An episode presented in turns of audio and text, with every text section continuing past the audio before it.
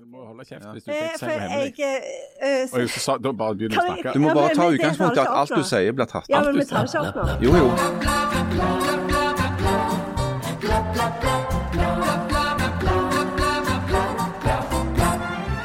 Da var det endelig vår i lufta, og lufta er full av pollen og streik.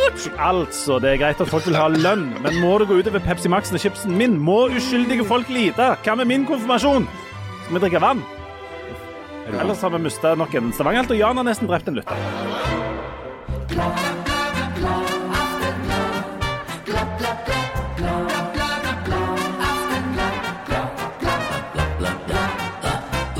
Det er høyst vanlig uke for Jan, det. Ja. Jeg så en mann i cargoshorts og singlet på vei hit. Så jeg lurer på om vi er liksom mer sånn vår slash sommer. Men du, vi er i, den, vi er i nok en komplisert eh, Ja. periode rent sånn klesmessig. Altså, Vi har snakket mye om dette med altfor varme jakker og altfor varm på ryggen. Og nå er vi jo, og så har det jo vært et møkkavær. Det er jo stort sett møkkavær, det er på en måte grunnregelen da. Men så plutselig så glimter det til, og du ser en slags sol eller lys eller noe sånt, og tenker nå. Og så går du ut Eller ja, så, så hvordan skal jeg ha- kle meg Ja. nå? sant? Fordi når du da går ut på morgenen og skal vandre ned til arbeidet, eller skal gå hjem fra kvisten på kvelden, så er det jo Ja, iskaldt. da er det kaldt. Og jeg kler meg jo optimistisk nå i T-skjorte og en, eh, eh, pakket vekk den, der, den varme jakken. Men nå fryser jeg jo nesten i hæl, utenom akkurat midt på dagen, for da er det et streif av, av Det er et lite sånt vindu midt på dagen hvor det verken er for varmt eller for kaldt. Ja. Eh, og så litt på ettermiddagen akkurat når sola går ned. Men det, altså jeg, jeg hadde, og det kan jeg bare si, uh, åpna shortssesongen i går. Ja, du gjorde det. Ja, i noen gloriøse timer. I, på Eh, ettermiddagen. men med noen ekstremt hvite legger, Ja. uh, merka jeg meg. Men jeg gikk rundt og steig litt i hagen i shorts. Men dette er litt som å bade etter du er åte, at det er enormt farlig. Det er, Ja, det min, er- min det er så farlig. Det fins ikke noe som er farligere enn den skarpe vårlufta. Jeg husker i barndommen at nå har vi kommet til det punktet der du får ha på joggesko eller Ja. Mm. lave sko på et vis. Hvor du gjerne får nye. og gjerne får nye. Og så kan du gå ut i bare genser, bare tjukk, litt tjukk genser. Men det er veldig viktig at den genseren er tjukk og at den er ull, for selv om det føles varmt, så er det ikke varmt, og det er livsfarlig luft. Stemmer Ja, det, og det er det jo er bare april. livsvisdom. Det er R i måneden, og da er det jo egentlig som å skrive ut sin egen dødsattest Ja. og, og, og i det hele tatt være ute. Det er helt Det, det hørte jeg når jeg var liten. Du, Ja. du Det er rett og slett ikke klassisk lurevær. Ja, det er lurevær. Ja, fordi at du tror det er varmt, men mor di vet at det er kaldt. Ja, for, men hvordan kan luft være skarp? Nei, Du kjenner jo det med en gang at han er skarp, og da gjelder det å passe seg. Det går rett inn igjen. Men det er jo, Ja. det er jo den samme lufta som var her for, for to-tre uker siden, da det var liksom sånn fire plussgrader. Nei, nei. Og på at nå er det sju grader, for eksempel. Og det, nei, men det, det dette med lurevær, det ligger jo òg i, det begrepet at eh, selv om det er Altså, eh, hvis det er eh, stabilt seks grader, så er det én ting. Men hvis det blir f.eks. 13 grader på dagen, og så blir det seks grader på kvelden, så er jo de seks gradene mye kaldere seks grader Ja. enn det de der stabile seks gradene. Så det, det er livsfarlig. Det er ikke yr. Du tror ikke det Dette er ikke noe regn. Det er ikke noe sånn bom, så smeller det. Så du dassas, og så har du lungebetennelse, så dør du. Ja. Og Leif Tore Linde, jeg vet ikke, om- min kjære, jeg vet ikke om jeg sier venn, men uh, du sitter Jeg vil si venn. det kan jeg si, ja. si den. dere. Men uh, når, når jeg da var sju år, eller ti, eller hva det var for noe, og, og bodde på Nobben på Bryne, og mor sa at den, jeg, kunne, jeg trygla om å få lov å gå og slippe å gå i boblejakke. Mor sa OK, kan du ha på deg genser. Så var det sånn Marius-genser, eller sånn, sånn strikkegenser. Og når jeg sitter her inne og ser meg rundt, så er det sånn at vi er tre stykk som sitter i korte armer. Mens du, Leif Tor Linde, du har på deg den strikkegenseren. Selvfølgelig. Så det jeg lurer på er, er det det du har på deg? da? Altså, Har du en jakke på den, eller går du gjennom byen i den strikkegenseren? Jeg Kun? går i denne. For, Ja, du gjør det? Ja, har du kommet til det? det er, Ja, han er på, ja. på genser. Ja, du er der allerede. der er jo altså, der er Vi skal ta bilde av dette og legge ut på Instagram. Ja. Der er jo, lure, der er jo lurevær. Altså, dere tre, jeg gir dere muligens til 17. mai, men da Mm. kommer dere til å ligge strøkne. Og så kommer dere til å være forkjølte hele sommeren. Jeg tror du har rett. ja. Det er jo det er å be om trøbbel. Ja, jeg er litt bekymra. ja, hvis du går, eh, går for hardt til verks altså i april, så kan det være slutten. Ja. Ja, du, var- du varer ikke lenge. Altså, sånn som Nei. dere, jeg, jeg, Jeg er jo ikke helt god sånn fra før av. Du Birkvold, du er jo så brystsvak at det føles som du leker med en sånn russisk rulett, at du sitter her i sånn kortarma skjorte. I en sal på hospitalet, hvor de hvite senger står. Dette er vårens vakreste eventyr. Eller det andre eventyr? Harald med blek hud og veldig grått hår.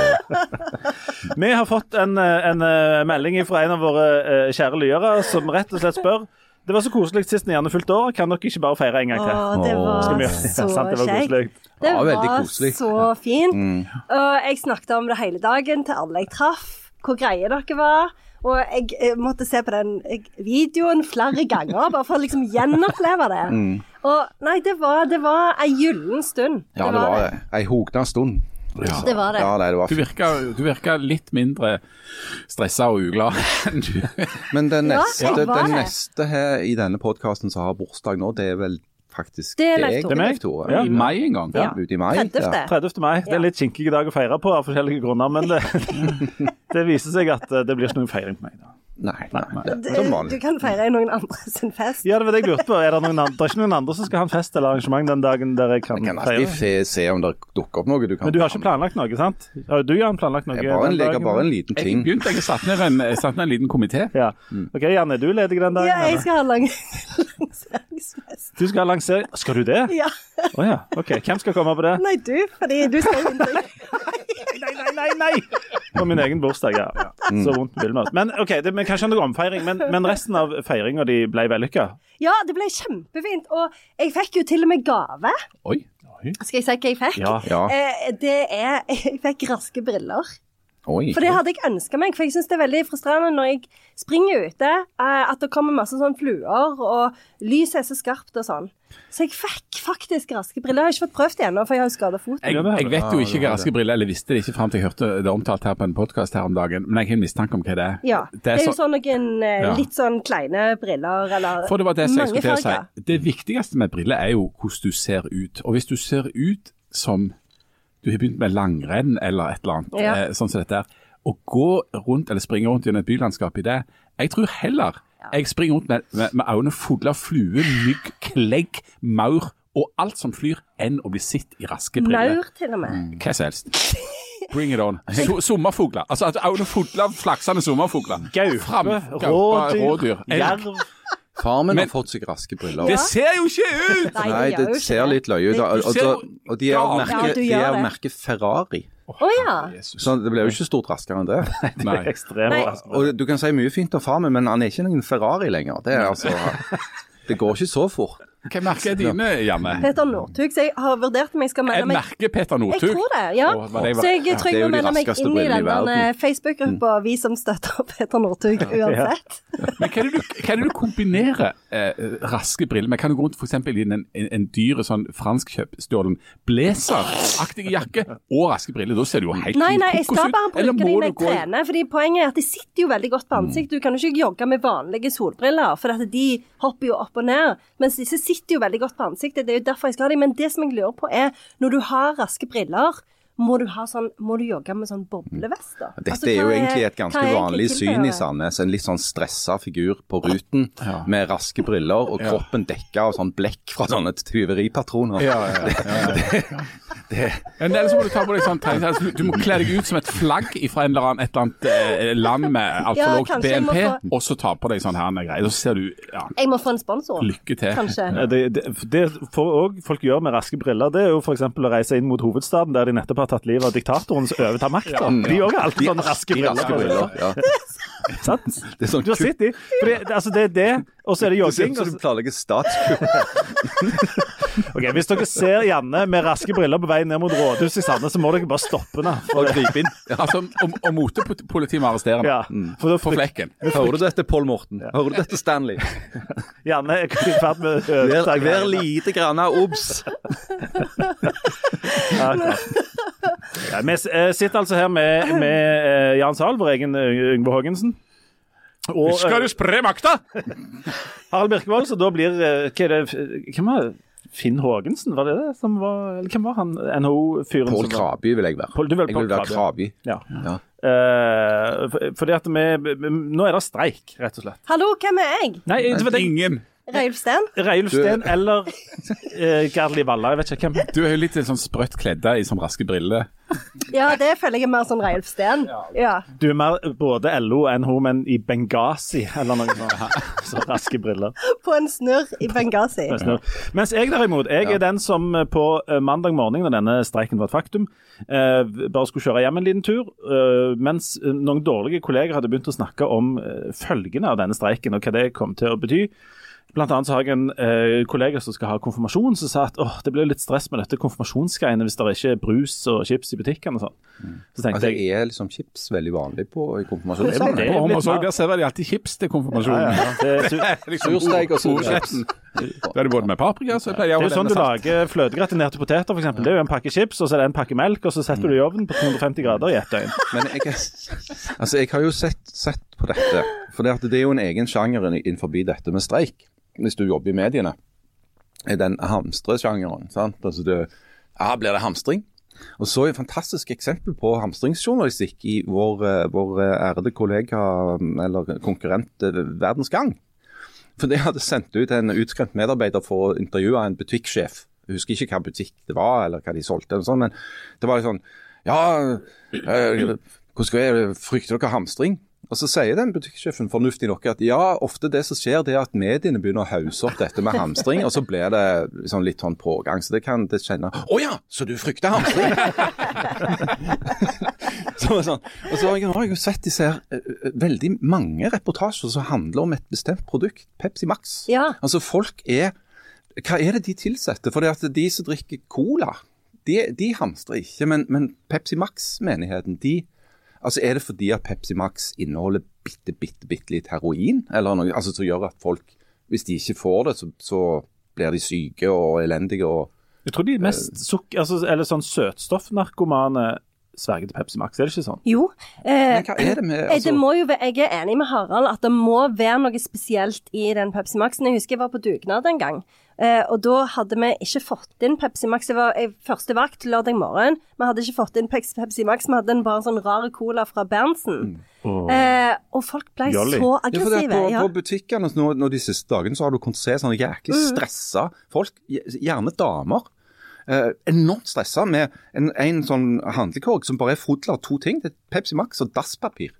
Liksom, hva er det som foregår? Ja, nei, for det jeg syns er veldig interessant med dette her med Pepsi Max, at det faktisk er en sånn en avhengighetsbrus. For du skulle jo tro at cola var like Ja, det er eh, At folk var like avhengige ja. av sånn, er cola greier, ja? som av Pepsi Max. Det som er så fint, er at dette segmentet jeg tror jeg var, det Leif Tore prøvde på var å lage et segment som handler om streik. Oh, ja, var det og dette med streik og streikevåpen. Ja, Var det det vi skulle snakke om? Dette, Jeg var midt, midt i en Han, han var midt i en fortelling, strengt tatt. oh, ja! Som ble brutt av, eh, og som sporer helt av til en diskusjon Jo, men det, om Pepsi Max. Pepsi Max er noe som interesserer meg. ja. Ja. Ja. Men kan vi gå over til noe som ikke interesserer deg, men som interesserer Ok, deg? for jeg hadde minst tre forskjellige ting som jeg skulle si til om Pepsi Max, okay. men det kan vente. men vi, kommer tilbake, vi kommer tilbake til det.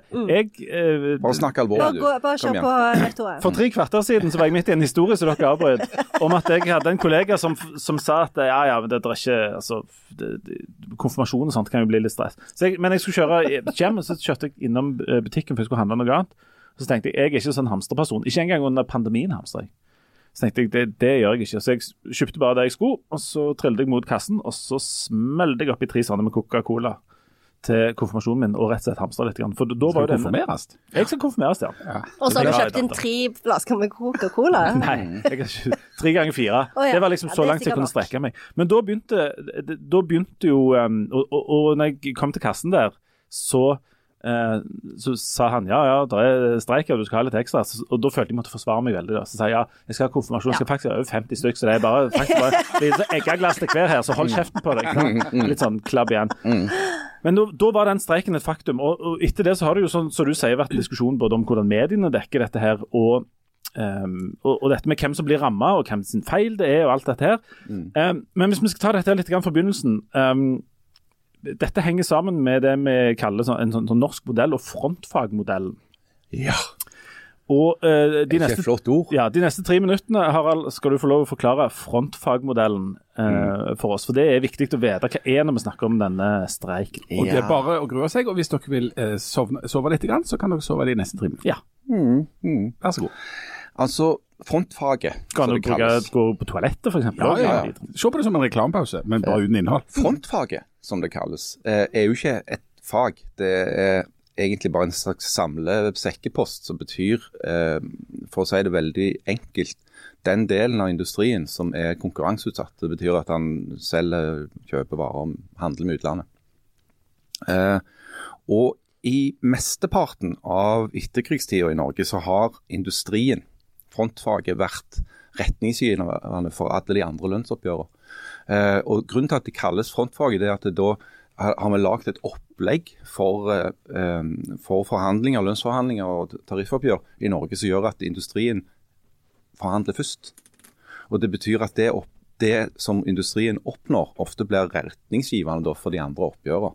Derfor kalles det for frontfaget. Og Begrunnelsen for å ha en sånn eh, løsning er jo nettopp å skjerme, altså ikke få en høyere lønnsvekst enn det industrien mener at den kan tåle. Um, og Dette fører jo til en del fordeler, fordi at du sånn historisk sett har hatt Du har ikke hatt sånne ekstreme uh, oppgjør som har, har eh, ødelagt veldig mye for norsk økonomi. Uh, men det fører jo òg med seg en ganske mange problemer for folk som da ikke jobber i industrien. Si at du f.eks. er sykepleier eller du f.eks. er lærer. Uh, så vil du med rette oppleve at eh, du aldri kan oppnå mer i lønnsoppgjørene dine enn det de fikk i industrien, fordi at de frontfagene eh, forhandler først. Eh, og Frontfagsmodellen henger på en måte sammen med noe som eh, kalles for litt mer altså Begrepet som brukes mest, det er vel trepartssamarbeid. Eller den norske modellen med store D. Eh, som handler om at det i eh, Den norske modellen! Den norske modellen i hele etterkrigstida omtrent så har, og, har, det vært et samarbeid mellom privat næringsliv, eh, fagorganisasjonene og staten. Eh, for å sørge for at rammene for eh, tariffoppgjørene, lønnsdannelse, arbeidsmiljø er det noenlunde brei enighet om. Eh, og at en har kunnet sette på plass en del viktige prinsipper for hvordan arbeidslivet i Norge skal være organisert eh, hvordan forhandlinger skal gjennomføres, eh, hvordan en skal beregne hvordan lønnsveksten har vært. Du har fått noe som heter teknisk beregningsutvalg, som sitter og regner på hvor mye prisstigningen har vært, hvordan har lønnsglidningen vært. Lønnsglidning er jo det som skjer når du f.eks. har en ansiennitetsstige, du hopper fra et trinn til et annet, så får du en lønnsutvikling uavhengig av om du forhandler eller ikke. Det er bare automatisk. Um, så det er kommet på plass en del sånne mekanismer for hvordan disse her oppgjørene skal gjennomføres, uh, som er litt uh, spesielle for Norge, fordi at du har hatt en så stor grad av samarbeid mellom partene. Men dette har funka uh, ganske godt, må vi lov å si. Så Norge er et land i, sånn, i, i verdenssammenheng med relativt Eh, relativt små forskjeller og mm. sånt, men det, denne måten å gjøre Og relativt få streiker. Ja, og relativt få streiker. Og det som er, eh, altså, Dette er et sånn et mellomoppgjør der vi bare forhandler om lønn, eh, mm. ikke om alle de andre store tingene som er mm. pensjon og alle disse tingene. Og Da er det enda mer uvanlig at det blir streik.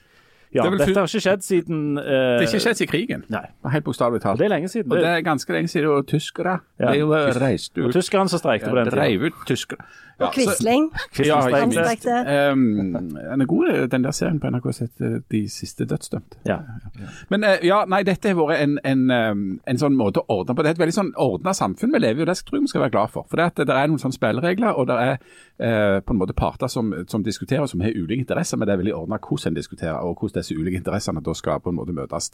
Mm. Um, og Det har sikra eh, ganske fredelig arbeidsliv, egentlig, og det har sikra at Norge da ikke har hatt en lønnsutvikling som har gjort at vi har helt utkonkurrert oss i verden. Sant? At vi kan selge produktene våre. Men, men så, er det, så, er det, jo, som Harald er inne på, et problem eh, for mange som jobber i offentlig sektor. For de har jo da, blir da eh, underlagt den, disse mekanismene. Pluss at i offentlig sektor så er det i, i, langt mindre grad det som har blitt et stridstema nå i, i, i disse forhandlingene, nemlig lokale forhandlinger. For det at mm. lønnsdannelsen skjer både sentralt med at det er noen sentrale parter som møtes i Oslo og, og kjemper Dagsrevyen og, og, og, ikke sover. Det er sånn sport i hvor lite skal du sove på hvor lang tid. Um, og så blir en del av, av, av lønnsoppgjøret avgjort der, og så blir en del eh, satt av til eller så blir det òg forventa at en skal drive med lokale forhandlinger. Og Det er jo de lokale forhandlingene og lønnsutviklinga lokalt som har gjort at det har skåret seg i år, så vidt vi kan forstå, etter all den lekkinga ja, av, av skissene. Ja, fordi at, ja, NHO arbeidsgiversida er interessert i at mest mulig av lønnsdannelsen skal skje lokalt. For da skal han ta utgangspunkt i eh, de enkelte bedriftene sine muligheter til å gi lønnstillegg. Mens LO sitt krav denne gangen har vært at absolutt alle LO-medlemmer skal ha reallønnsoppgang. Altså at mm. lønns, lønna skal øke mer enn prisstigninger. Og Grunnen til at det har vært så viktig for dem, og er viktig for oss, for vi skal òg i denne bedriften ha først sentrale forhandlinger mellom journalistlaget og eh, og Mediebedriftenes Landsforening. Og så skal vi her lokalt, eh, med meg eh, som leder, eh, forhandle lokalt eh, med penger. Og da, da er det sant, altså, det er en veldig sterk motivasjon for å få økt reallønna nå. fordi at de siste sju åra, altså siden, 19, nei, siden 2015, så har det knapt vært økning av reallønna i Norge. Eh, Det har ikke vært så dårlig lønnsutvikling i Norge si, eh, i en veldig kort periode mellom 79 og 81. Og, og, og Det betyr altså at de pengene du tjener, selv om det tallet går opp, de kronene går opp, så har prisstigningen vært så mye høyere at du knapt har hatt noen økt kjøpekraft på sju år. Og de to siste årene så har det iallfall gått dårlig. For det- ja. For, det, for det spesielle i år er jo at det, det, de tallene som en opererer med, er, er høyere enn et vanlig år. Altså, her er det snakk om sånne tilbud og skisser på 5,1 og 5,2% og sånt, som i et vanlig år ville vært enormt mye. Men rett og slett fordi at alt rundt oss er blitt så mye dyrere, så må lønnstillegget bli så mye høyere. Og, og bruddet her skjer da fordi at LO og NHO ikke blir enige om hvor mye som skal tas på en måte blant de store, men, men de er uenige om hvor mye som skal gjøres lokalt. Altså, for Da er det jo mer opp til forhandlingsevnen og viljen til den lokale bedriften og de lokale arbeidstakerne og de organiserte der. Og Da har vi sett en del eksempler som er blitt tatt opp. Det var noen på f.eks. hoteller som fortalte at de hadde fått i sånne lokale forhandlinger, så hadde de i løpet av de siste fem årene fått én krone. Det var det de hadde fått der. Og Det er vel det som LO da frykter skal skje. At eh, litt sånn sterke bedrifter rundt omkring skal bare kunne forhandle folk i senk, og så får de ikke mer enn Ja. LO ønsker jo denne gangen å faktisk bruke streikevåpenet, som jo er en lovlig eh, reaksjon hvis det blir brudd i en sånn eh, forhandling som dette, for på en måte å presse gjennom kravet om eh, å nærme seg noe som iallfall kan ligne på eh, en utligning av den eh, forskjellen som har oppstått fordi at prisstigningen har vært så høy av inflasjonen. Eh, fordi at det er jo som Jan sier at veldig mange arbeidstakere i Norge opplever at de har dårligere råd nå enn de hadde for eh, fem, seks og syv år siden.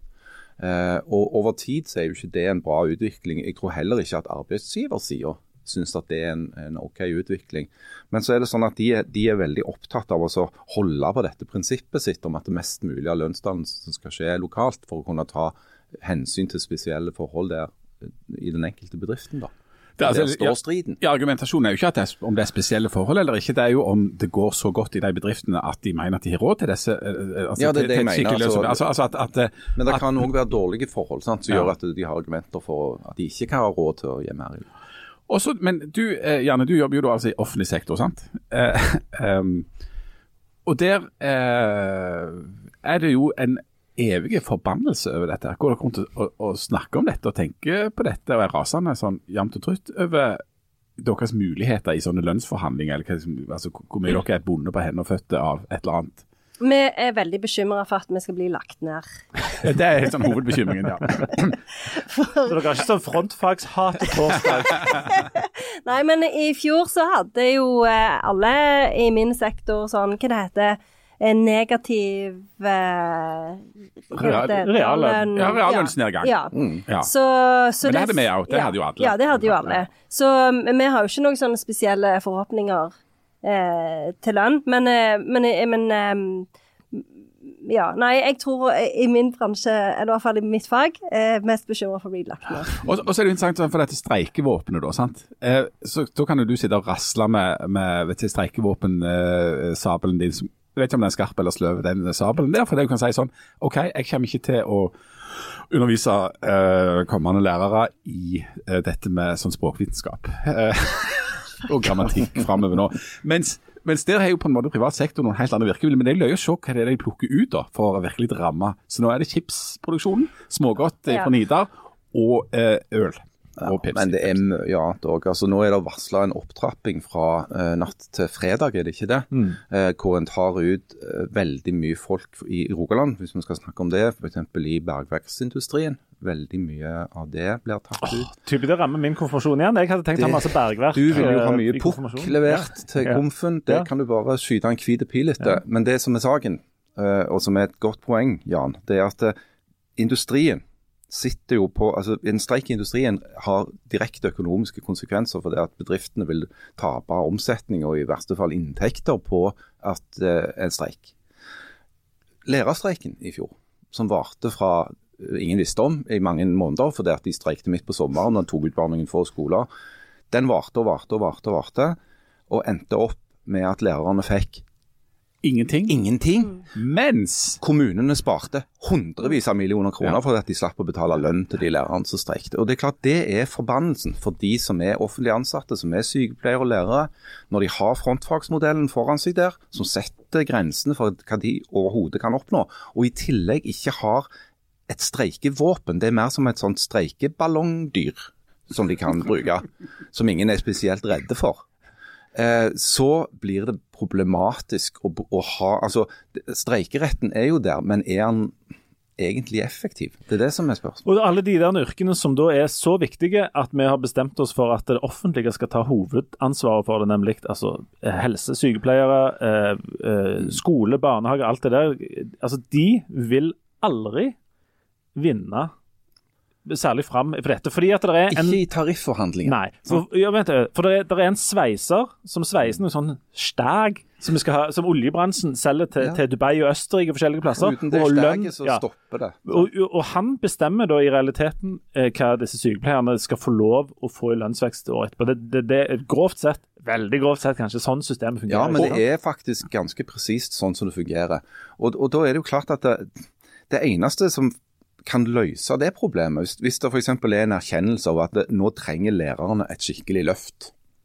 For det at vi trenger gode lærere, vi trenger at, eh, det skal bli litt mer attraktivt å bli lærer. Si vi bestemmer oss for det som samfunn. Så er det vanskelig å se at det er noe lærerne kan få til i vanlige tarifforhandlinger. Det må storting til. Det må politikk til. Det må lages en pakke. Stortinget med flertallet på Stortinget må si at nå vil vi gi et ekstra lønnsløft til lærerne. Og Sånn da kommer, og da støter du kjapt imot nettopp denne frontfagsmodellen og, Mm. og trepartssamarbeidet og den norske modellen. For der er det opplest og vedtatt at dette med lønnsdannelse det er noe partene i arbeidslivet tar seg av. Mm. Det er ikke noe politikerne blander seg inn i. og Derfor så vil, om det er statsråd eller om det er stortingspolitikere, iallfall hvis de sitter i posisjon, si vet du hva, dette har vi avtalt i Norge at dette tar partene Mm. seg av.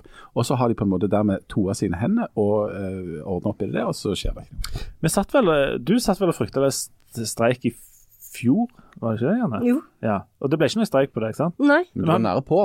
Det var rett før du begynte å streike. Ja, jeg hadde jo fått e-post om at jeg skulle Og sånn gul gule vest og Nei, jeg hadde ikke og- fått den gulvesten ennå. Men har du Eh, vært med på streik Nei. noen gang? Aldri? Nei. nei. Uh, men uh, uh, Ja, jeg, eh, jeg vil ikke snakke om det. Men- Nei, det, det er jo bare en podkast, dette her. Det er klart det er Den tanken på at du Ja, måtte men- legge ned grammatikkboka og, og innføringer i fonetikk og lingvistikk eh, kommer 2,1 venner, altså. Det er det altså. Vi har vært med på streik. Jeg har streikt to ganger. det begynner å bli ganske lenge siden. Ja. Jeg har ikke streikt fordi at jeg på det tidspunktet jobbet i Dagsavisen da jeg hadde så dårlig økonomi at, eh, at journalistlaget ikke tok ut deg. Du, øh, vi, vi, vi må ha en liten pause nå, men etterpå så tenkte vi at vi skal ha For vi har et ganske Vi har potensial til litt live lønnsforhandlinger her i rommet, nemlig. Eh, med eh, litt rare fronter som jeg tenkte vi skulle ta etterpå. Men først vi må ha en durabelig pause, og så er vi tilbake. Og da starter vi lønnsforhandlinger.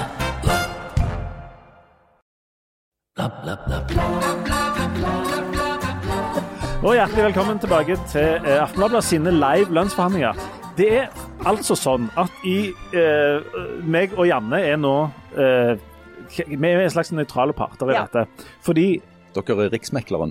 Ja. Eh, den tidligere Betyr det at vi må være våkne? For jeg, Du må være våken nå. ja. Men du, vi gjør det dette, vi gjør dette på skift. Okay. Eh, du sover om natta, jeg sover om dagen. Sånn. Eh, og så kan veksler vi på å gå ut og si sånn ja, det, det, jeg har tro på videre forhandlinger, og partene står eh, noe fra hverandre. De Du må alltid sånn. si skisse. Ja. Ja. Skissene står noe fra hverandre i partene.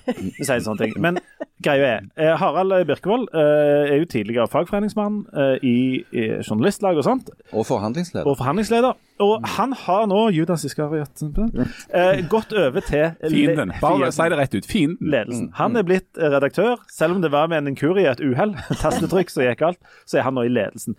Jan Zahl, eh, en av kapitalismens aller fremste forkjempere i denne bedriften, er fagforeningsleder og skal på et tidspunkt begynne å forhandle lønn her. Tabletop Ja, the tables have turned, og dette, dette er veldig rart, fordi at all sånn eh, høyre-venstre-logikk og sånn tilsier at dere, begge dere to sitter på kanskje litt sånn feil side av bordet. Regelboka har gått rett ut vinduet her. Ja. Ja. Det er veldig interessant, eh, for at, eh, nå er jo Harald i den helt umulige situasjonen da, i kraft av sin stilling, at han skal drive med aldeles urimelige eh, han skal stå for en urimelig eh, tankegang og filosofi og, og, og bedriftsøkonomisk tenkning, eh, som sannsynligvis går ut på at vi ikke skal få et enormt godt eh, lønnsoppgjør i Stavanger Aftenblad, som vi fortjener, vi som faktisk lager dette produktet og står på gulvet, som var de Harald Birkevold inni seg for iallfall et kvarter siden støtta og gikk inn for. Støtter Så hva er det å si til dette? Nei, jeg støtter, jeg støtter eh, de eh, proletarenes rettferdige lønnskamp i, i Stavanger Aftenblad, som i alle andre. 12,8 er kravet, Harald. Har du, innfrir du det? Ja, altså, og, og da har vi jo allerede snakket om på svakheten i lønnsutviklingen nå eh, i de siste åra. Og ikke minst her i Skipsted-konsernet har jo dette gått veldig eh, dårlig for oss stakkar som har, har stått der. Vil du, eh, er, det- er det greit med et lønnsoppgjør, la oss si ja 12,8 det er egentlig helt fint. Tok du det tallet rett ut av lufta, eller? Han fikk Vi har snakket litt med Dere snakket litt har hatt høyt. møte. 12,8 kunne vært. Det er lekkasjer fra Riksmeklingsmannen nummer to her. I forhandlinger er det nemlig veldig viktig å være godt forberedt og ha snakket godt Jeg tror kanskje på hvis dere tar vekk det ett-tallet, Eh, Det er ikke noe eh, så blir det sånn 2,8. Nei, men det, det ett-tallet, det er tieren, det er ikke et ett-tall egentlig. Det er bare annet, Eller annet hvor mange mange ja, sånn, det er. Ja, det er så, sånn er det det tallsystemet virker. Ja. Ja. Men, men hvis vi snakker ja, to- eh, 2,8 tror jeg kanskje er mer realistisk. Ja, okay. Sånn Er det, blir- er det sånn som dette lønnsforhandlinger foregår? Ja. Ja, Det er ja, det. er det. Nei. Vi må ha et eh, Vi må høre litt fra Riksmeklingsmann nummer én her. Hva sier, hva sier du om partene står langt fra hverandre? Ja, de står veldig langt fra hverandre, men vi håper jo på at, de, at Altså, skissen vi har- skal kunne bli lagt fram før fristen. Altså Hvis det ikke hadde vært for at det var Altså Hvis mikrofonene hadde vært av nå i rommet, så ville jeg sagt at uh, Vent litt, jeg kan skru det av. har- Sånn er de skrudd av. Bare si det. Har du skrudd av nå? Ja, jeg skrudde av. Ja, flott.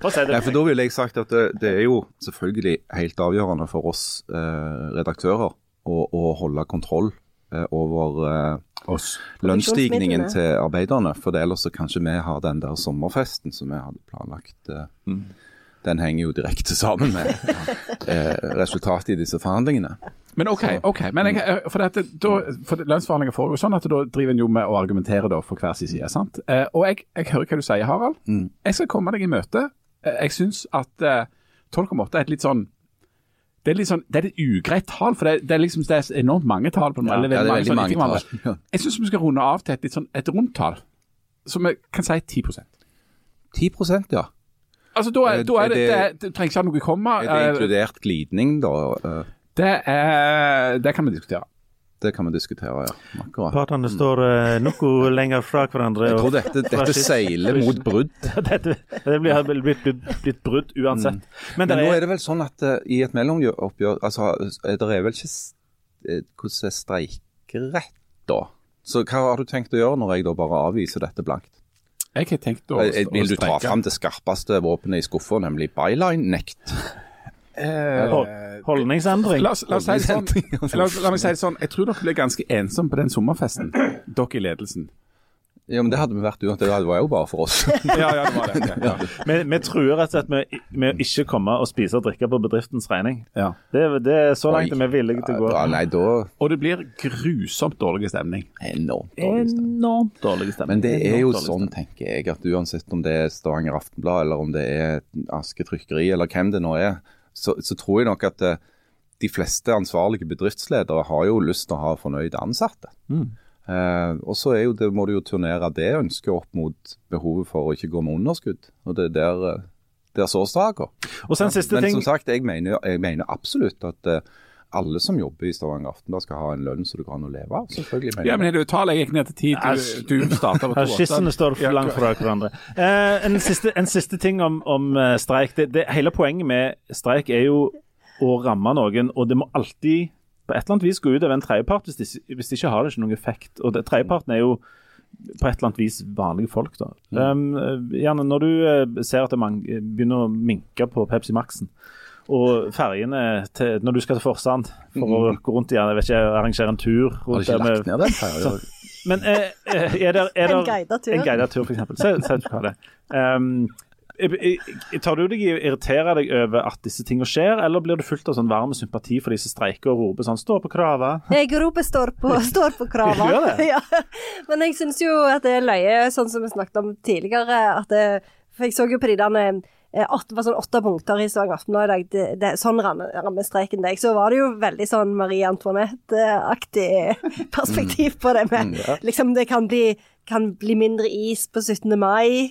Eh, det er ikke nok øl, kanskje, når du skal grille. Så det, så, Blodet flyter i gatene. ja. så så langt så, så er det jo ikke Så er det jo kakene det går Men de er jo utover. ikke dumme, vet du. Hun Peggy Hessen Følsvik og de andre i LO, de er ikke dumme Nei, i de hodet. For det at de vet jo akkurat, de har visst dette lenge før eh, streiken var et faktum, at det, det, sånn blir vinklingen. Sant?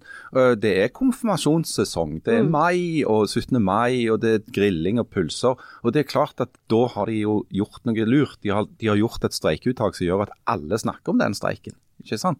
Eh, Og så er det jo vårt ansvar som ansvarlige f.eks. journalister, da og sier at den det handler egentlig ikke om Pepsi Max. Det handler om helt andre ting. og Vi er nødt til å snakke litt om frontfag, og vi må snakke litt om trepartssamarbeid og alt det der. Ja, men, altså, men det, mens det vi jo vet det handler om, og det som vi har snakket om, det er jo skarpe luft. Altså det at det tilsynelatende er varmt, så folk kunne satt seg til ute med sånn utepils, det er livsfarlig. Kanskje det er et folkehelsetilsag? Ja, sånn at vi får, må få stoppet eh, flommen av utepils i skarpe luft, eh, hvis du ikke er sånn genser som Leif Tore er, eh, for rett og slett folkehelsemessig. Kan dere forklare meg hva som er så enormt stort med dette utepilsgreiene? Altså, med en gang det er over 4,2 grader, så går folk ned til byen, og så sitter de og drikker litt sånn doven øl med feil temperatur. Ute der det er en sånn blanding av altfor varmt og altfor kaldt. og sånt. Ja, altså det, er jo, det er jo ikke, for, det første er det viktig å understreke at det er jo ikke alle som gjør dette. Eh, Jeg tipper at det er langt flere folk som står og høytrykksspyler trampolinen i hagen, enn som sitter og drikker øl på Hansen-hjørnet. Sant? For det, jeg tror hovedaktiviteten når det blir fint vær, er hagearbeid, ikke Ja. utepils. Um, og at du plutselig oppdager at du har naboer som du ikke har sett på et halvt år. Gjør ikke dere det? Sånn, folk du Oi, det, det var de, ja. Ja. Nå har jeg fått en unge til. Ja. Se her, ja. Uh, og det er jo litt sånn kjekt at du oppdager at, at du bor i et nabolag. Uh, for det gjør du ikke om vinteren i dette landet. Uh, men, men det der utepilsgreiene, det er vel en sånn følelse som noen har, at, at, det er ikke vår før du har hatt den første utepilsen, da. Det er det det handler om. Ja, det er en slags markering. Det, det føles som, som noe av det norskeste av det, liksom sånn, det, liksom det fremste av norsk kultur. Det er det der er- Det er sånn du kan se nordmann egentlig hvor som helst i verden. Det er Hvis det er sånn sol en eller annen plass, eh, så, ser, så går nordmannen rundt der med, med ansiktet mot sola, mens f.eks. de som bor der, de prøver å finne skyggen. skyggen. Eh, men eh, sant, i det øyeblikket der det er litt skarpe luft og noe solgløtt, da er det ut å ta denne utepilsen. Og du er jo akkurat Du slutter å være avholdsmann, så du skal jo egentlig begynne å kjenne det krible i deg. Jeg må tilstå for egen del, så jeg, jeg, jeg, jeg syns det er en jeg har aldri kjent det draget. Men hva er, din, hva er din åpning på våren, da? Hva er det du gjør for å liksom markere at det er Nå, nå er det vår, nå er vi i gang. Ja, men jeg, jeg er jo sånn ikke du? Nei, jeg er spinngal. Nei, men jeg, jeg, jeg, jeg, jeg får dårlig samvittighet av å være inne, så jeg går ut og så sitter jeg med, med ansiktet mot sola. Ja, det gjør jeg du. er norsk der. Jeg klarer ikke, jeg, jeg får veldig sånn Det går ikke an å være inne nå. Og så Nå sier jeg det til ungene mine, f.eks. Ja, men nå er det jo eh, 13 plussgrader og sol, så nå, kan- nå kan jeg ikke sitte inne nå kan jeg ikke sitte inne og, og, og, og, game eller et eller annet sånt som dette her. Eh, lese med en far ut og gjøre absolutt Ja, ingenting. Nå, nå må dere ut. Og så sier de sånn Ja vel, men hva vi skal gjøre der, egentlig? Nei, jeg må være ute nå. Så det, det er jeg ekstremt preget av. Det er et veldig sånn utediktatur. Gå ut i gata og, at noen å leke med. Ja. men hvordan markerer du våren? Er du òg sånn? jeg syns at det er kjekt å gå tur ute. Det liker jeg veldig godt. Jeg liker veldig godt å vandre. Men jeg syns det er stress, fordi at nå når jeg går rundt nå, så driver jo alle på med det som Harald sier, hagearbeid. Og så ser jeg jo at de der vinduene er utrolig, utrolig skitne.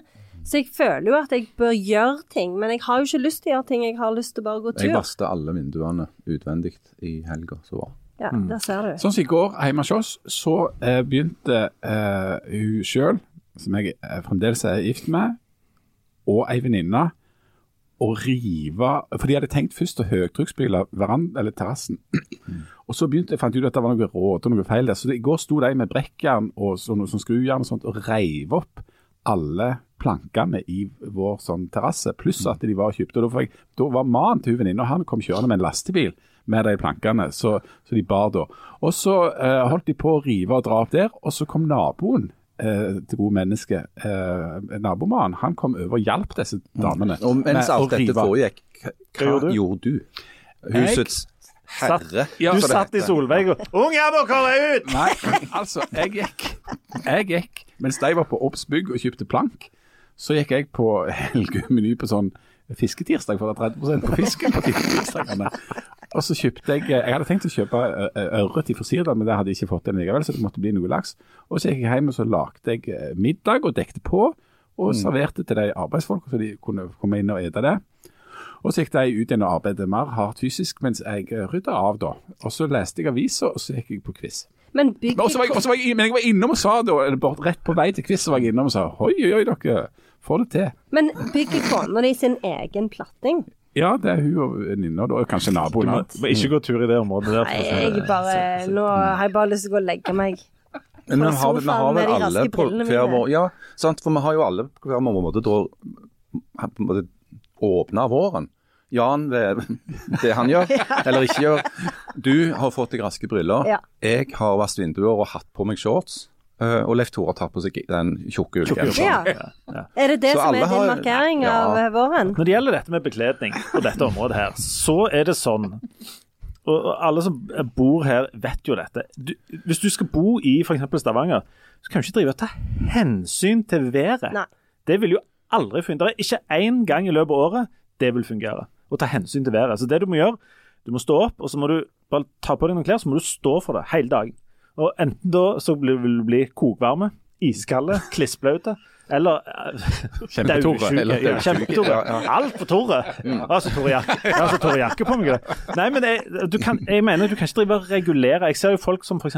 går eh, Jeg går jo til og fra jobb i, i denne frosten om morgenen. Da kunne jeg jo hatt sånn skiutstyr og skøyter på meg. Sånt, gått ned. Og så blir det jo da 32 grader midt på dagen, og så regner det antageligvis litt. Så du kan ikke ta hensyn til sånne ting. Du må ta et antrekk, antrekk, så må du stå for det. Ja, jeg syns det, det er det beste rådet du kan gi, Ja. faktisk. Jeg ser sånne folk som går rundt med sånne svære sånne sekker, og så skifter de og har med forskjellige sånne, ta, det, det vil aldri fungere. Amatører. Så du må bare ta på deg et antrekk, så må du stå for det hele dagen. Så hvis i dag for eksempel, hvis det begynner å pøsregne, så er det den jumperen jeg har. Men du til, står du på, på det på tross av dette f.eks. med årstidene? Altså, Ja. eh, for det, den der strikkegenseren som er på deg i dag, den hadde du jo i januar. Kommer du til å ha den i juli? Ja, ja. Jeg har òg eh, Det er helår. helårsgenser. Det. Er er ikke dette hovedgenseren? Dette er hovedgenseren, ja. Ja. Og den har jeg selvfølgelig, som en gjør, jeg har arva den fra svigerinne. Ja, ja, ja. ja. Og den er fullgod ifølge meg, og helt forferdelig ifølge kona mi. Kan du si at du har på deg hovedbukser? Jeg har hovedbukser, og så har jeg på meg, og når det gjelder sko, så har jeg på meg sko nå.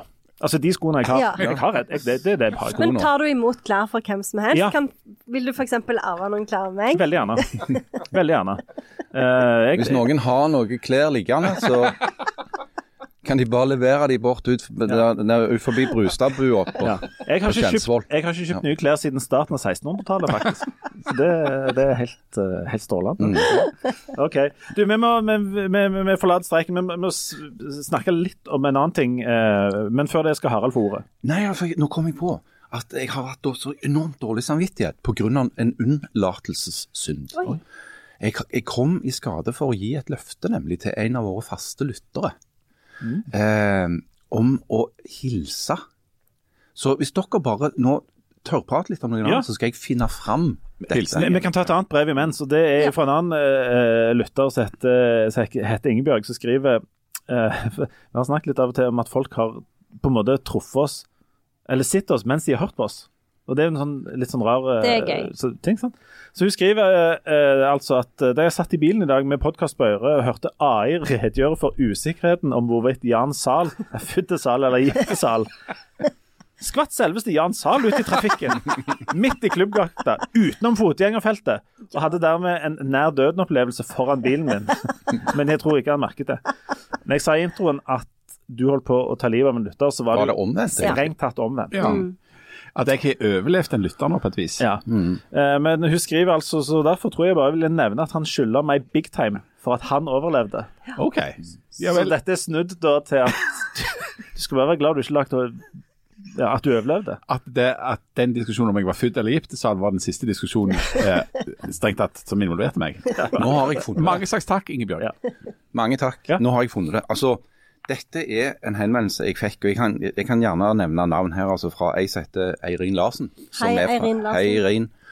Hun jobber nå i Dagens Næringsliv med sosiale medier og greier og greier, men hun er fra Stavanger og er et skikkelig menneske. Hun holder til og med med Liverpool og Viking. Uh, og hun skriver at hun har ei venninne som tilhører dette, denne subkulturen i Oslo som kaller seg Viking Oslo. som har blitt en svær greie. Altså, Det er bra folk. eh, Den Stavanger, altså det er Oslo-avdelingen av eh, Hordene, kan du si. Da, ikke sant? Hun er en av våre største fans, skriver Eirin.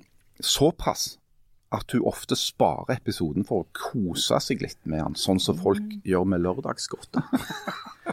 Og greia er at hun har, Hver med sitt, tenker jeg. hun har akkurat blitt 40. Gratulerer. Gratulerer. Og hadde så lyst til å få en bursdagshilsen fra oss. Og, og det vi kan si, det er at dette eh, dreier seg da om hun Ingjerd Lindeland, som er referent på Stortinget. Det betyr, vet du hva, vet du hva det er? Ja. Det er de som sitter der og skriver ned hvert eneste ord som blir sagt fra talerstolen på Stortinget. Oi, oi, oi. Og hun er fra Sirdalen. Sirdalen. Sirdalen. Ja. Og det er greia der. For det at hun har en beef gående med Roy Steffensen, som er stortingsrepresentant for Rogaland Fremskrittspartiet. For det at han har det med litt, å si Rogaland Fremskrittspartiet? Rogaland og Fremskrittspartiet. Oh, ja, okay. Han har det med å si Sirdalen. Mens de som kommer fra Sirdalen, vet at det jo heter Sirdal. Ja. Sånn. Sånn at, og hun er nødt til å skrive ned alt som blir sagt, helt ordrett. Så hver gang han er på talerstolen, så pass, passer han på å legge inn en referanse til Sirdalen, sånn at hun er nødt til å skrive det. Så han driver og torturerer nå med dette. Det er litt løye, Ja, syns jeg. løye. Eh, men uansett så ville vi iallfall bare eh, ønske eh, dette gode mennesket fra Sirdalen ja. Eh, vel overstått, tror jeg. Nå, Ja. Vel overstått. Ja. Og 40. og stå på 40 er de 40, beste 40 er det nye 30. Ja, eh, og for å sitere Haldis Moen Vesaas Du skal ikke trø i gresset. Jeg går inn til din grind. Gå inn til grind. din inste grind. Det er jo der du ikke kan gå. Du kan jo ikke gå inn til den innerste grinda. Jo, du kan bare gå fram til den. Ja, Du kan ja. ikke gå gjennom. Nei, du kan jeg ikke går det. fram til Ja. den inste grind, Mm. Ja. og du går fram til Stemmer det. Var det det du skulle si? Var det det du skulle si? grinda du Kalte jo skulle? de de rotløse 40-årene. Uh, Halvesmoren, ja. og, og Men det kan ikke jo gå lenger fram enn til Ingjerd eh, fra Sirdalen sin minste grind. Nei, Nei, for det, innenfor der så er det bare hva er som skjer. hun. Men oppe i Sirdalen så har de vel den grinda et stykke ut på eiendommen i Sirdalen? Ja, det har det. Og så er det, står han egentlig nærme en Øvstabø der, så de, de brøyter jo ikke heller lenger opp det. Nei. Nei. Men det er noen skispor som går rett opp i sida Ja, der. Men det, altså, eh, men jeg håper jo, håper jo at Ingjerd eh, kan høre dette, og jeg vil gjerne ha hennes synspunkter på dette med at Sirdalen skal bli en del av Rogaland istedenfor uh, Agder. For vi, vi er litt i tvil. Altså, altså, jeg er iallfall litt i tvil. Men er det gode argumenter for at Sirdalen bør bli en del av Rogaland? Og så synes jeg også at eh, for å ta hevn på denne Roy Steffensen Neste gang du skriver, så du, du har lov å legge inn en liten skrivefeil, skrivefeil og kalle han Roy Steffensen. en. Roy Steffensen. Hver gang han skriver, sier Sirdalen, så så skriver du Roy Steffensen. en. Ja. Det er en god finte. En veldig god finte. Ja, for det kommer til å bli arkivert for evigheten. Alltid. I Nasjonalbiblioteket i Mojana. i Mojana, det er fjellhallene. Ja, ja. Du, En annen ting som eh, nettopp har skjedd her, og dette, nå er vi på litt sånn eh, ultralokalt. Dette er jo eh, Kjenner gjerne folk i Sirdalen en, en til, men ikke, kanskje ikke folk i Oslo. På, på fredag så eh, fikk vi melding om at Leif Nilsen er død. Ja. Altså Leif Nilsen er eh, et av eh, medlemmene i Mods, og, og eh, en mann som ble på en måte eh, sånn regionale popstjerner eh, for sin innsats som eh, frontmann i Leif og kompisene. Det var han som var Leif i Leif og kompisene. Ja, fiffig, sant? Det var ikke sånn at de, de fantes, og så bare lagt Og så var det, og tilfeldigvis har vi en som heter Leif. Sånn nei. det, det, disse tingene henger sammen. Mm. Um, denne meldingen fikk jeg seint på fredagen, og da begynte jeg igjen, og dette, dette gjorde vi for ikke så lenge siden, å telle opp hvor mange sånne eh, folk av den typen som har forsvunnet de siste åra. Altså, um, for, for vårt område, da. Altså, har vi da Leif, altså med eh, Frode Rønli, altså Froddin fra Stavanger-ensemblet. Per Inge Torkelsen, eh, Svein Tangva. Eh, det er ikke, faktisk ikke så lenge siden vi mista Vegard Hoel, som var en sånn en liksom, størrelse i filmen i alle filmene fra Rogaland. Sånn. Og Da ble jeg sittende og, og filosofere på en litt sånn tweedjakkeaktig måte om hva, eh, hva disse folk har gjort for denne lokale Stavanger-identiteten. Jeg er bitte litt for unge, faktisk, til å ha vært med liksom, når disse var um, nye og friske på høyden. og sånt. Men jeg begynte å lese en del ting, bl.a. noe vår gamle kollega Kjetil Wold skrev når og Det handler om Froddin, da. Men han skrev at Froddin var liksom den som gjorde Stavanger på et tidspunkt kule. Eh, gjorde, noe, gjorde at denne byen var noe mer enn sånn eh, litt sånn glinsende olje og gammel fisk og sånt. Um, og Leif Nilsen var, en av, var liksom i den der gjengen der. Så begynte jeg å lure på hva som skjer med liksom denne lokale identiteten når sånne folk forsvinner. Altså, Froddin var jo også fra Sandnes, sant? selv om jeg omtaler han mye som sånn Stavanger-type. og sånn.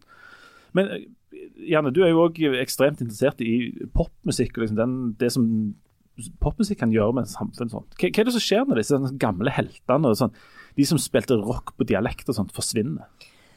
Jeg tenker at de, at de Det er jo naturlig at de forsvinner, den generasjonen eh, etter hvert. Altså ikke Vegard Hoel, da, men, men disse herrene som er litt eldre. Um, eh, men det fundamentet som de har lagt, er jo helt utrolig viktig. For det er jo sånn så Jeg husker første gangen jeg hørte um, den Hva heter båt med Jeg har ikke båt. Ja, jeg har ikke båt, ja. Som jeg var sikker på heter Jeg heter Jan. Ja. Så det var veldig vanskelig å få finne den Jeg drikker tran. Ja. Men fisken lar jeg være i fred. Eh, og tenk sånn, herlighet, noe kult på vår dialekt. Og det er jo det vi har snakket om tidligere òg, at det er noe kult på vår dialekt. Det er jo så utrolig viktig for å skape den identiteten, for å skape den stoltheten. Eh, for å kunne markere at det går an å lage eh, kultur her som vi bor. Altså noen som setter ord på det stedet du bor, det stedet du kommer fra, det stedet du oppholder deg. At det, kultur er ikke bare noe som finner sted et annet sted. Eh, for eksempel i Oslo, som jo all kultur eh, Altså norsk kultur kom fra på den tida, eller England eller USA, da. Men jeg tenker at det fundamentet som de har lagt, det har det, det, altså den rota som de har, har, har planta, den, den, eller frøet, da, kanskje, den, den, den har spirt så veldig. Så det er jo de som det er jo de vi skylder all den kulturen som vi ser i dag, tenker jeg. Jeg tenker òg at, eh, at noen av de pionerene for stavangerdialekter, uh, som f.eks. Gunnar Roalkvam, Svein Tangva, uh, Per Inge Torkelsen, eh, de har jo lagd en, en svære skulder så en haug med andre folk kan stå på. Eh, en ny generasjon eh, som etter hvert begynner å bli middelaldrende sjøl, men som har, har stått på skuldrene til de folka der når det gjelder å bruke stavangerdialekta helt sånn uforskamma. Eh, ta Kristoffer Joner som et eksempel, eller Arthur Berning. Skuespillere fra Stavanger som snakker hva stavangersk og står for det. ikke sant? Erik Thorstvedt, eh, som er nasjonal eh, karakter i fotballen, snakker stavangersk og står for det. Aslak Sira Myhre eller Mimir Kristiansson på den nasjonale politiske arenaen. Eh, og det er liksom blitt viktig, for det at det, er, jeg husker veldig godt. sant? I 55 år vokste opp, så var eh, på 80-tallet så var ikke stavangerdialekt noe spesielt kult. altså. Og det var disse her pionerene som gjorde at det ble noe du kunne stå for. Og der er disse kulturelle tingene enormt viktige. Så. De er helt avgjørende. Det viser jo sammenhengen mellom språk og identitet, og dialekt og identitet. Mm. Jf. en aldri siden liten diskusjon som pågår for, så, i NRK for tida. Men, men altså at, at språket vi snakker, eh, er helt avgjørende for identiteten og for selvforståelsen vår, rett og slett. Og, og, og det er akkurat det jeg minner om at før dette så var det jo nærmest ikke lov, eller ble sett på som noe provinsielt eller bondsk eller noe sånt. Siri Kalvik, når hun begynte å presentere været på TV Ja, på stavangersk, er er jo en enormt viktig figur. Altså Bare at du, at du på TV kan snakke eh, kan si Kysten kan, burde hatt litt tydeligere lyd, men, men, men at, at du, du snakker stavangersk i den sammenhengen der I morgen kan det bli regn. ja, sant. Nettopp. I morgen kan det bli regn. Og, er det, men, men, og hvor viktig da på en måte kulturen og kunstnerne er for akkurat det. Det hadde jo ikke vært det samme hvis eh, Mods og Stavanger-ensemblet hadde sunget på engelsk. Og eh, selv om, om Thomas Dybdahl er en, en eh, flink fyr, en tydelig fyr herifra, så er det noe annet når han da synger på engelsk, eller, eller ja, sant? og henvender seg Det er til Keisers. Ja, sant? Ja, Keisers, da. Jeg tenkte, ja.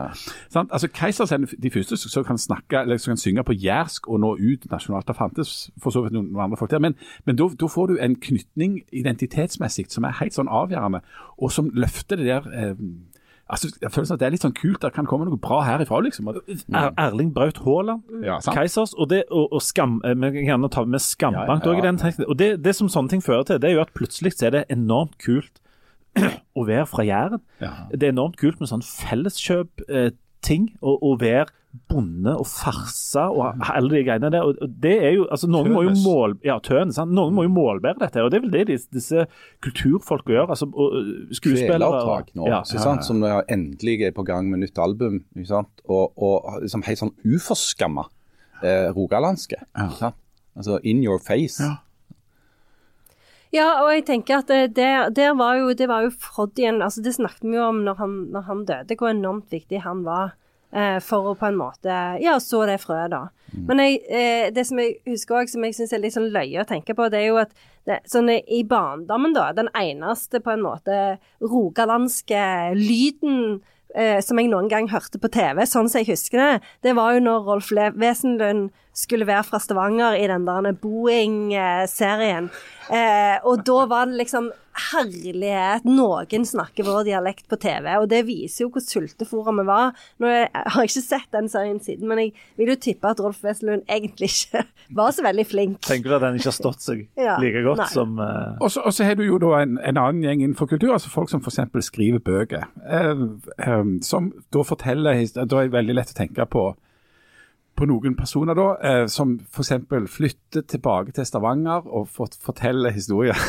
Er- Så Tore Renberg Nei, nei men Nå var jeg stygg helt bevisst. Nei, men altså, Tore Renberg Han snakker egentlig om seg sjøl her. Han vil at vi skal si. Men, men Janne Stigen Drangsholt som skriver historier ifra Sandnes, altså om folk ifra Sandnes, og som snakker sånn som du gjør, og er på en måte altså en tydelig stemme, litterær stemme, som forteller historier fra noen andre plasser enn fra Frogner, der Lars Aabye Christensen har skrevet mange kjempefine bøker fra. Men det trengs på en måte historie og identitet andre plasser. Nemlig. Og jeg har, jeg har eh, jo som en av få i verden lest denne boka til Jan Stigen Drangsvold. Blant annet fordi at eh, bursdagen min er ødelagt. Ikke si hvordan eh, for jeg er bare, jeg er bare halvveis. Ja, ja, nei. Men, eh, en, ja. Men en av de tingene som er der, for eksempel da, er at eh, Oslo blir en, ikke en plass en er, men en plass en reiser til. Altså, Oslo er vekke. Eh, og der er er Ting foregår foregår på en annen litt, på en litt annen måte, fordi at vi er på en annen plass. Eh, sant? Og det, Der er det jo Du, du nevnte denne NRK-diskusjonen som foregår om, om dialekter. Men jeg tror ikke vi orker hive oss Nei, inn i den, gjør vi det? nei. Men det er også, det er jo en slags anerkjennelse om at det er forskjell på hvor det bor flest folk, og hvor flest folk bor. Altså hvor folk flest bor hen. Sant? Det bor jo flest folk i Oslo, men det er jo ikke der folk flest bor. Det er, jo, det er jo noen norske forfattere som er veldig flinke til å ha et, et sted. Det er sikkert et fint faguttrykk for dette, du professor. Stedspesifikk Stedsspesifikk altså, jeg vil ikke kalle det, det ikke sånn, jeg, jeg tenker ikke på sånn Heimstad-diktning, men, men at du har, altså at det foregår helt tydelig på et sted.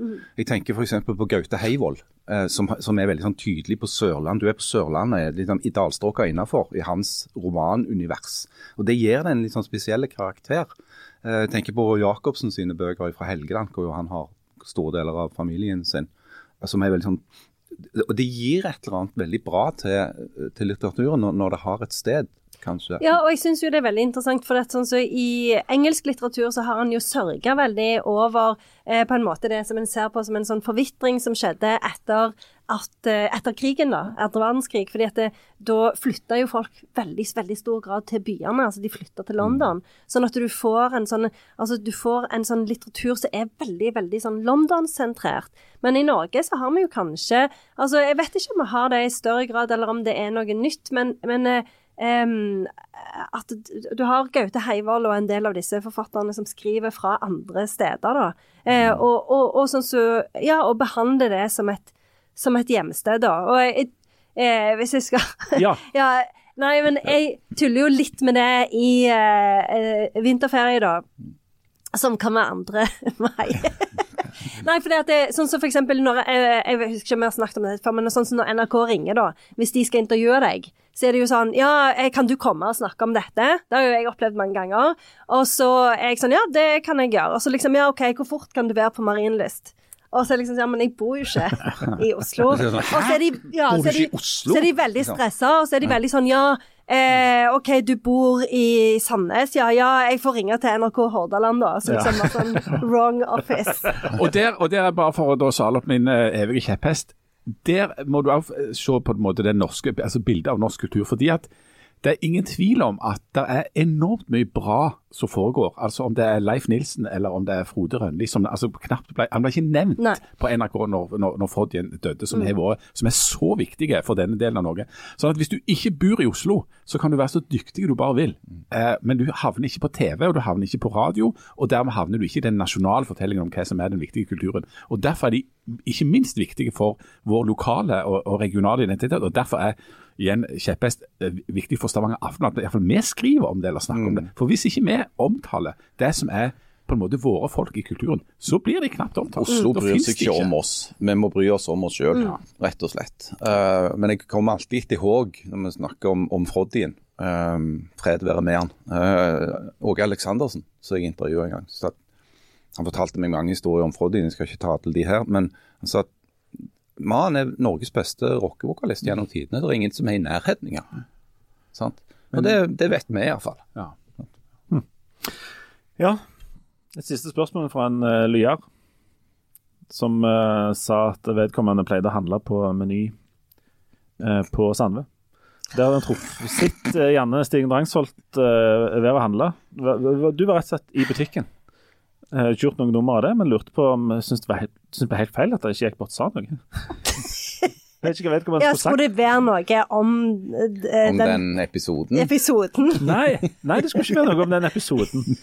Ja, for i så fall er det helt Ja. kjempefint. Nei, vedkommende syns bare det ble helt feil at uh, dere to kjente hverandre så godt. Sant?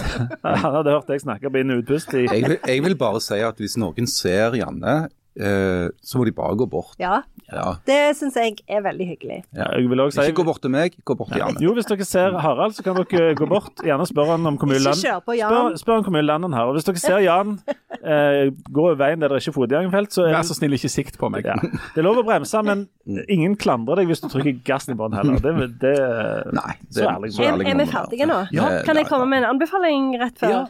Eh, ja, jeg vil anbefale en eh, serie som jeg syns var ganske løyen, eh, som er på NRK, som heter Kammo. Har dere Nei, sett Nei, den? vet du hva. Nei, den syns jeg var løyen. Oh, var det? Ja, en litt sånn eh, korte episoder. Handler om ei som er influenser, og så eh, har hun ikke betalt skatt på åtte år. Og, og så blir hun støttekontakt for ei med Downs eh, syndrom. Eh, og de utvikler et slags sånn vennskap, da. Eh, ja, jeg syns den var veldig, veldig bra. Jeg tror hun heter Karoline Glomnes, hun som spiller. Ikke hørt om henne før, men syns hun er sykt flink. Kan jeg komme med en anti-anbefaling, eller bare litt Ja. sånn noe ugg?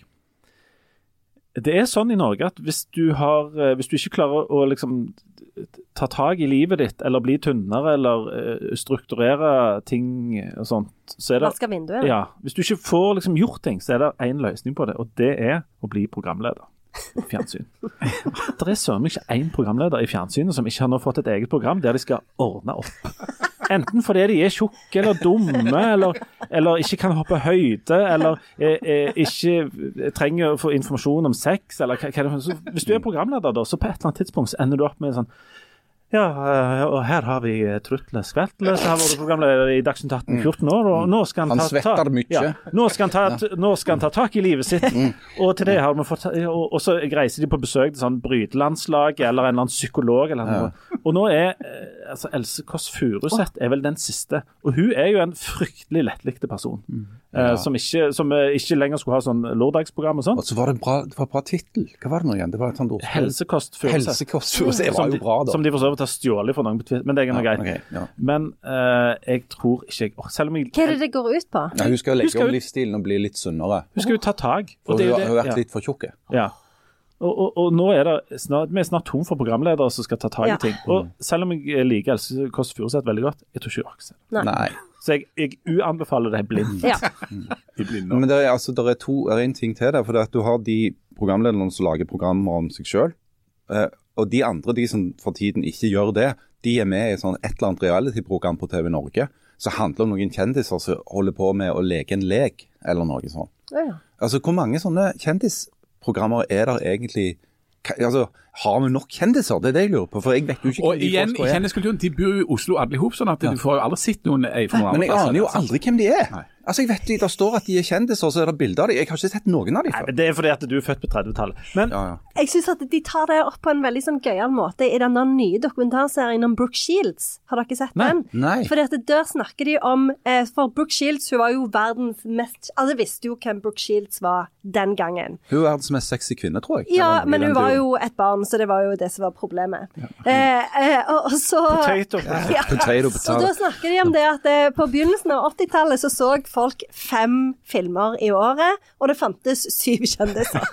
That's it. Ja. Ja. Da blir det jo veldig stort press på de få som er kjendiser. Mm. Og så har de en sånn gjennomgang av liksom, ja, i dag vet du ikke de som er kjendiser. For det er så mange som er kjendiser, og mange er kjendiser fordi de er kjendiser.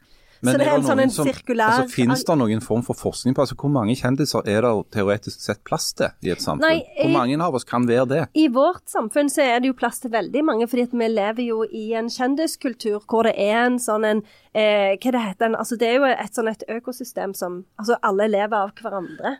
Jo, men hvis alle er kjendiser, så er jo ingen Altså, det må jo være en slags inflasjon her. Altså Ikke sant? Altså, det blir, hva er det som skal til for at du skal kunne kalle deg for en kjendis? Nei, det er jo, du er jo en kjendis hvis du lever av å være kjendis. Så du trenger jo ikke ha gjort noe. Sånn som Brooke Shields var jo, ble jo kjendis fordi hun var så utrolig pen.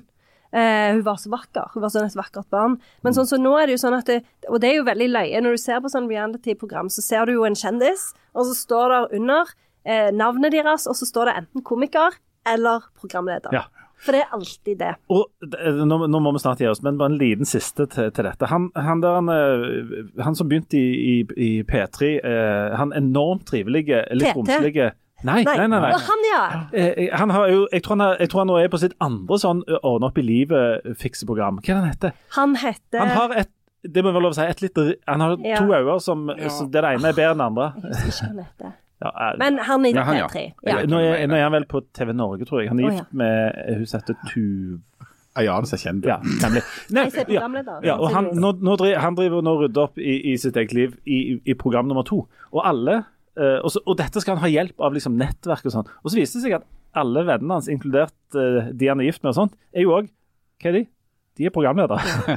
sånn at hver gang det skal komme med noen med noe innspill eller hjelpe han med noe, så er det jo andre programledere som kommer inn for å hjelpe han programlederen med skift. Så tenkte jeg åh, dette blir for mye. Så tenkte jeg ja, ja, de skal i hvert fall gå til legen sånn. Hva for en lege tror dere kan gå til? Han der kjendislegen Ja, Kave. absolutt. 100, 110 Så det finnes fins ingen der som ikke er ingen som ikke er kjempekjente. Men vi er jo er- Eller er vi? Er vi kjendiser? Nei. Nei. For det, vi lever ikke av denne podkasten. Nei. Nei. Nei. Men hvis vi hadde gjort det, Mm, Ja, hvis vi hadde hvis kanskje vi hadde bodd under, under Men da hadde en vi bro jo- og ikke hadde hatt noen til annet å gjøre på enn å lage denne Jeg tror vi måtte ha lagd denne podkasten, så måtte vi bodd i Oslo, og så måtte vi hatt en, en Instagram-konto med ganske mange følgere. Altså vi måtte vært litt sånn influenseraktig. Men ja, og så måtte vi ha lagd sånn programmer om oss sjøl der vi prøver å, å rette opp et eller Ja, annet feil. og, og der, der Der kunne jeg hatt mye. Ja, jeg tror, men jeg tror Ja. du må være på TV, Ja, altså nasjonal på- TV, for at du skal være skikkelig kjendis. altså. Ja, du må ha, for at det, det må føre til at du på et eller annet tidspunkt blir invitert med i et eller Jan kunne hatt et sånt program der han lærer seg å bli sånn eh, handyman. Ja. ja. The Handy Hunk. Men Det det, høres ut som et men du, hør. Handy-Jan. Nei, men hør. Det programmet der Ja. har vært Og han som var med i det programmet, han skulle lære å bli handy. Det er bestekameraten til han med det litt ringe øyet som skal prøve å bli, eh, bli eh, litt slankere og litt lykkelig. Så programmet er allerede lagd. Og han som skulle bli eh, en handyman med hjelp av sin far, han var allerede programleder. Så det er blitt sånn peak kjendis at, at det egentlig så er det, nå er det bare forskjellige typer kjendiser som driver og lager programmer om hverandre. Ja, det er jo det, men det er jo og, det. og det er derfor jeg har slutta å se på alt dette. For det er jo alltid de samme folka. Det er jo bare Ja. de samme folka fra Oslo som, som sitter og, og Men jeg intervjuer vet ikke, hverandre. Ronny heter han. Ronny, Ronny, Ronny, Ronny. Brede Ja. Aase. Ja. En kjempefyr. eh, men Men det er veldig, alltid veldig fjåge. Ja, ja, enormt bra type. Men uh, nå tror jeg han Jeg tror ikke han må rydde opp mer i, i livet sitt. Nå må vi andre få lov å rydde litt opp i våre. Ja. Og nå tror jeg vi skal gå og gjøre akkurat det. Nå skal vi gå og rydde opp i vårt eget liv, og så kommer vi tilbake om en uke, så ser vi om vi har tatt noen gode grep. Hvis Ja. vi ikke har skal frøs vi- i hjel. Ja, vi kan, vi kan avtale det at neste uke så sier vi om, om vi har tatt noen Ja. grep. eh, hva grep har vi tatt? Hvordan gikk det? Nemlig. OK. Det Er, er det en slags pakt? Ja, Det er en en pakt. pakt. Okay. Alle må ha tatt Nå skjærer jeg meg i fingeren, og så blander jeg blod med deg. Der skal Harald faktisk av seg fingeren. Nå er vi ferdige. Adjø. Ha det. Om du kan blåse på. Men vi må ta et bilde av deg i genser. Ja. Ja. Men, eh, men eh, eh, vi har en pakt på mandag, sant? Med pakt på mandag. Ja.